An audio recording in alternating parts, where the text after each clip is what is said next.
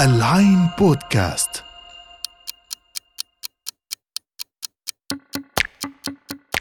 الساعة 25 الساعة اللي بتيجي بعد ما نقرأ نص أو نشوف فيلم. ونلف مع شخصيات خيالية برا الزمان والمكان. أنا سلمى أنور وحنتقابل أسبوعياً بالساعة ال 25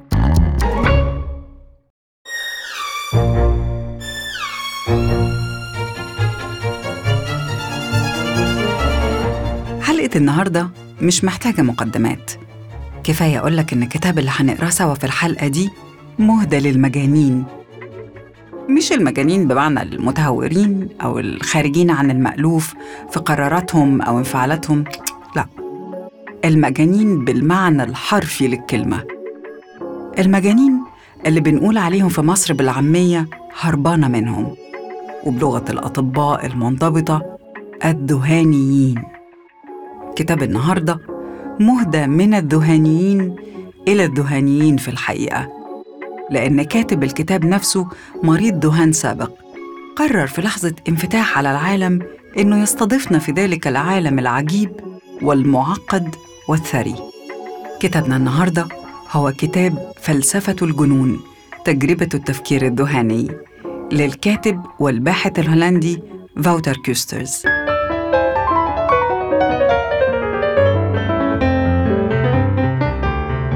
الكتاب ده ممكن نعتبره استضافة كريمة واستثنائية على الجنون وعالمه الموسوم واللي بتحيطه الخرافات والأحكام القاسية. عشان كده هو في الغالب عالم إما محاط بالهذيان العالي أو ملفوف بالصمت الكتوم خشية العار والوصم. على فكرة الكتاب مش بس بيقف عند تسجيل الحالة وتوثيقها وتقديم تفصيلاتها إنما كمان بيحاول يمد خيوط الربط بين التفكير الذهاني من ناحية وبين التفكير الفلسفي من ناحية تانية. وفي أجزاء تانية من الكتاب بيقارن بين ملامح الفكر الذهاني وتفكير بعض المتدينين والمتأملين أو ممارسي اليوجا أو التصوف ومن نحى نحوهم من مختبري تجارب الكشف والاستنارة الروحية والتماس الحكمة أو الحقيقة. التي قد تضيق معها العبارة. الكاتب اللي هو أكاديمي وفيلسوف هولندي وباحث في مجال اللغات بيشاركنا بانفتاح حقيقة إصابته بنوبتي ذهان حادتين. مرة سنة 1978 ومرة سنة 2007 وده بيخلي الكتاب نص استثنائي ونادر فعلا. كونه مدونة لرجل شخص بالذهان واحتجز في مستشفى الأمراض العقلية؟ ومن قلب الدوامة دي من قلب التجربة كوسترس بيدعو الناس إنهم يتفضلوا يشرفوا في عقل المصاب بالذهان ويحاولوا يستوعبوا عالمه الداخلي ويستكشفوا إحساسه بالزمن وإزاي بيشوفهم من داخل تجربته الخاصة. بالمناسبة الكاتب بيفضل يشير للذهاني بلفظ المجنون وبيقول إنه متحفظ على استخدام التصنيفات الطبية الجامدة والمحدودة من وجهة نظره واللي بتحط تجربة إنسانية ثرية جدا في قالب ضيق عاجز عن وصفها. الكاتب بيدعو العالم للكف عن التعامل مع المجانين على الطريقة التقليدية اللي هو الحجز في المشافي والعلاج بالعقاقير اللي بتحاول تعيد تشكيل العوالم البديلة اللي اتكونت في ذهنه. من غير حتى ما نكون محيطين أصلا بالعالم اللي اتكون ده. أبعاده منطقه إيه اللي بيحكمه؟ وإن كان ولابد من التداخل الخارجي مع عالم الذهاني فليكن ده بمنحه مصابيح ترشده وتؤمن رحلته داخل سراديب دماغه وتشعره بالسلام والأمان في الرحلة اللي ممكن تطول بيه بطول عمره.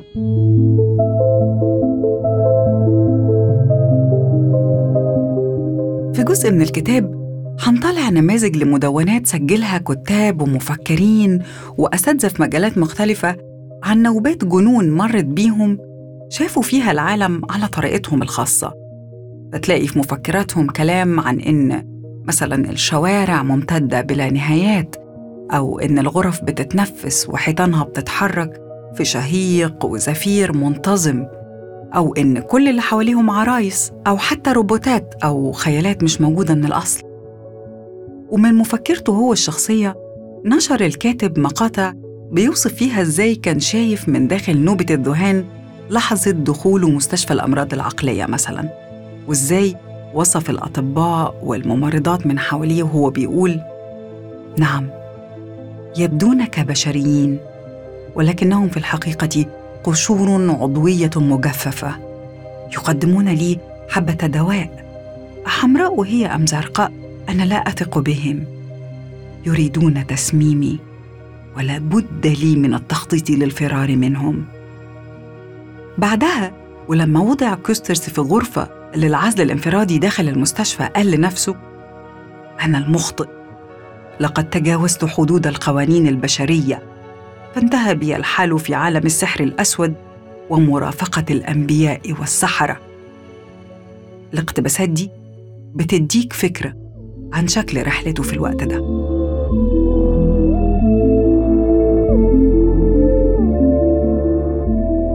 في الفترة اللي أعقبت تعافيه من أول نوبة ذهان ابتدى فاوتر كوسترز يدون ملامح رحلة جنونه في محاولة منه إنه يفهم إيه الموضوع.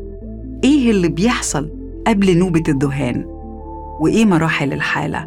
وإزاي بيشوف الذهاني العالم من داخل تجربته؟ وإيه أسئلته الكبرى وطبيعة مخاوفه جواها؟ عشان كده لما اتحجز في المستشفى في نوبة الذهان التانية كان عنده طرف إنه يقعد يناقش أفكار مقالاته مع الدكاترة ويوقع نسخ من كتابه الأول الجنون المحض للمعجبات من الممرضات الحسنوات.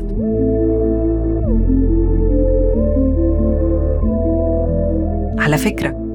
كتاب فلسفة الجنون لاقى اهتمام كبير جدا مش بس من المجتمع الأكاديمي والأطباء لكن كمان من أشخاص عاديين كتير مروا فترات من حياتهم بدرجة ما من درجات الاضطراب العقلي ومروا بالحيرة إزاء الرؤى الغريبة أو العالم العجيب المكركب اللي لقوا نفسهم فيه فجأة من غير تمهيد ولا إرشاد ودعم خارجي واللي غالباً خافوا يتكلموا عنه ولزموا الصمت سنوات يمكن وهم بيقاوموا لوحدهم وبيحاولوا يخرجوا منه.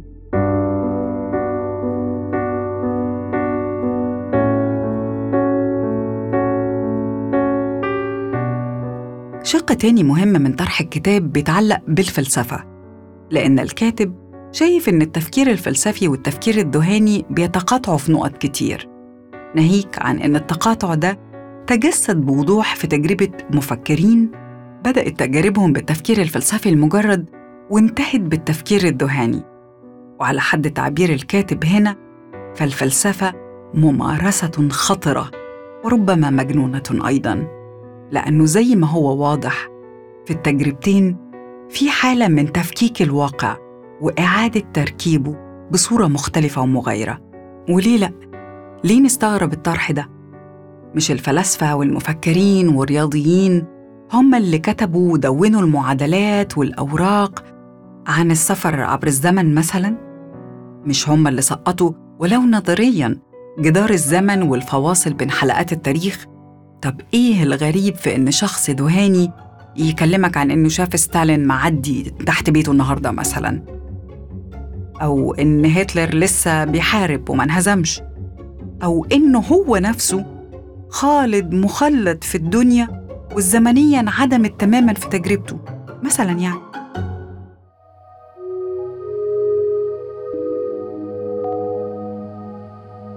وزي ما بيقول الكاتب في موضع تاني من كتابه إن الذهان رغم خطورته وانحرافاته من الممكن فهمه على إنه رغبة في عالم لا متناهي من الحرية المطلقة والتحرر من قيود الزمان والمكان وكتير من الفلاسفة في التجربة الإنسانية كانت الحرية المطلقة هي القيمة العليا المنشودة عندهم.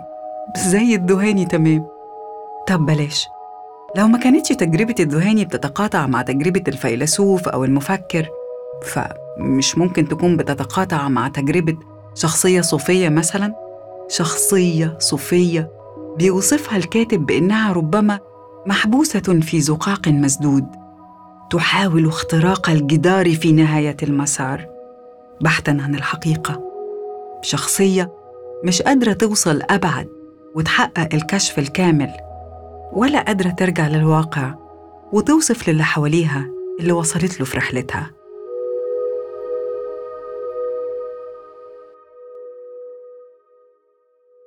في رواية خيالية قراها الكاتب في مراهقته في بطل خيالي في عالم خيالي. بيبحث فيه عن حجر يشبه النجم عشان يستخدمه في حرب كونية ما. وفي مغامرته دي بيفضل بقى البطل يتعثر في أشكال هندسية غريبة وغامضة ويمر برحلة ذهنية بصرية غريبة وغير مألوفة. وبتزيد غرابة تجربته لما بيمر بآلة خيالية وظيفتها إنها تقلب الحقائق وتعكس الأشياء. يعني مثلا لو دخلت فيها كتاب هتعكسه زي المراية وساعتها هيبقى لازم عليك تقراه من الآخر للأول. ولو حطيت في الآلة العجيبة دي منبه مثلا هيطلع بيلف عكس اتجاه الساعة. أما لو دخلت أنت بقى بنفسك فكيانك كله هيتشقلب. شعرك اللي مفروق ومتسرح من اليمين للشمال هيبقى متسرح من الشمال لليمين. ولما الناس تمد ايدها اليمين وتسلم عليك هتمد انت إيدك الشمال. وقلبك قلبك هيدق في الناحية التانية من صدرك. وساعتها هتشوف العالم كله من حواليك اتشقلب كيانه في حين إن كل شيء حواليك زي ما هو. أنت اللي حالك اتبدل والواقع اتبنى في ذهنك بصورة مختلفة. وقوتك تكمن في إنك تبقى عارف ده وإنك ما تستسلمش للصور المغلوطة. هي دي معركة الذهاني الكاتب بيستعير فكرة الرواية دي عشان يحاول يقرب بيها للعقلاء تجربة الذهان اللي بدرجة ما عاملة زي دخول الآلة العجيبة دي. نفس الحيرة والارتباك نفس تبدل الحقائق. وأحكام التصورات الجديدة مهما بدت للآخرين غامضة أو مضطربة لأنها بتبقى غالباً أقوى من العقل.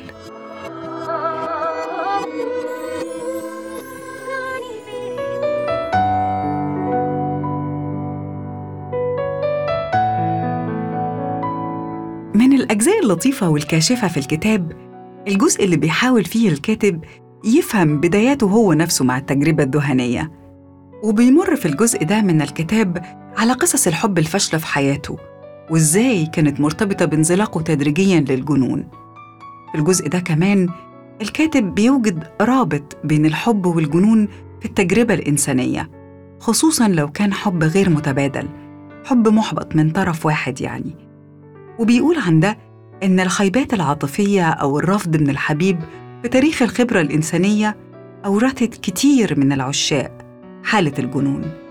صحيح إنه مع التقدم العلمي البشرية أدركت إن الاستعداد الجيني ومعاقرة المواد المخدرة دي كلها عوامل مساعدة ممكن تخلي العاشق التعيس أكثر عرضة للجنون أو الاضطراب لكن يظل مع ذلك الشعور بالرفض اللي بيحسه العاشق ممكن يبقى عامل زي شرارة تبدأ منها نوبة ذهان لأننا في حالة العشق بنعيد بناء نفس أو ذات جديدة يرتبط وجودها بوجود المحبوب.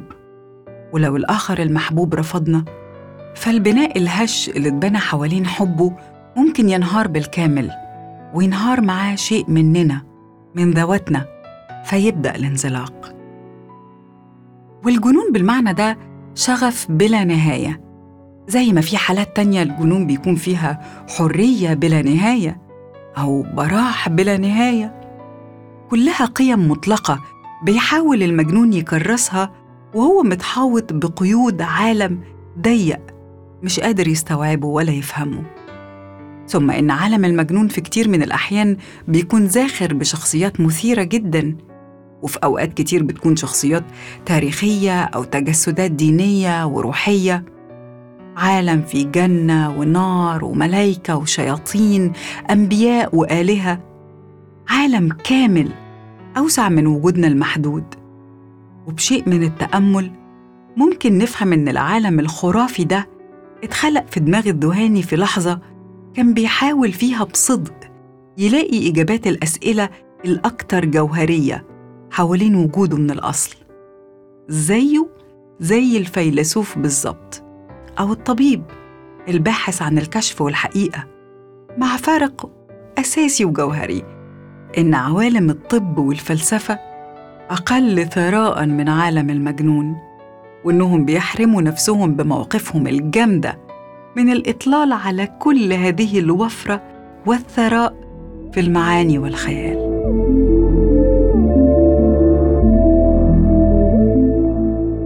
الشعوب القديمة اعتبرت المجنون قادر على تحقيق أمور استثنائية زي الاتصال بعوالم الغيب وربما بالآلهة والملايكة والتنبؤ بالمستقبل حتى.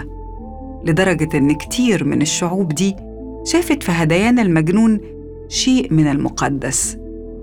يمكن لأن ما كانش عندهم أي تصور مختلف لإيه اللي بيدور في عقل الذهاني وإيه ملامح تجربته. وهنا تظهر أهمية كتاب فلسفة الجنون كمحاولة لهداية البشرية عبر دهاليز التفكير الذهاني بكل ما فيه من شياطين وأرباب وشخصيات تاريخية وزمن غير محدود وحرية لا منتهية. فمرحبا بالعقلاء في عالم الجنون.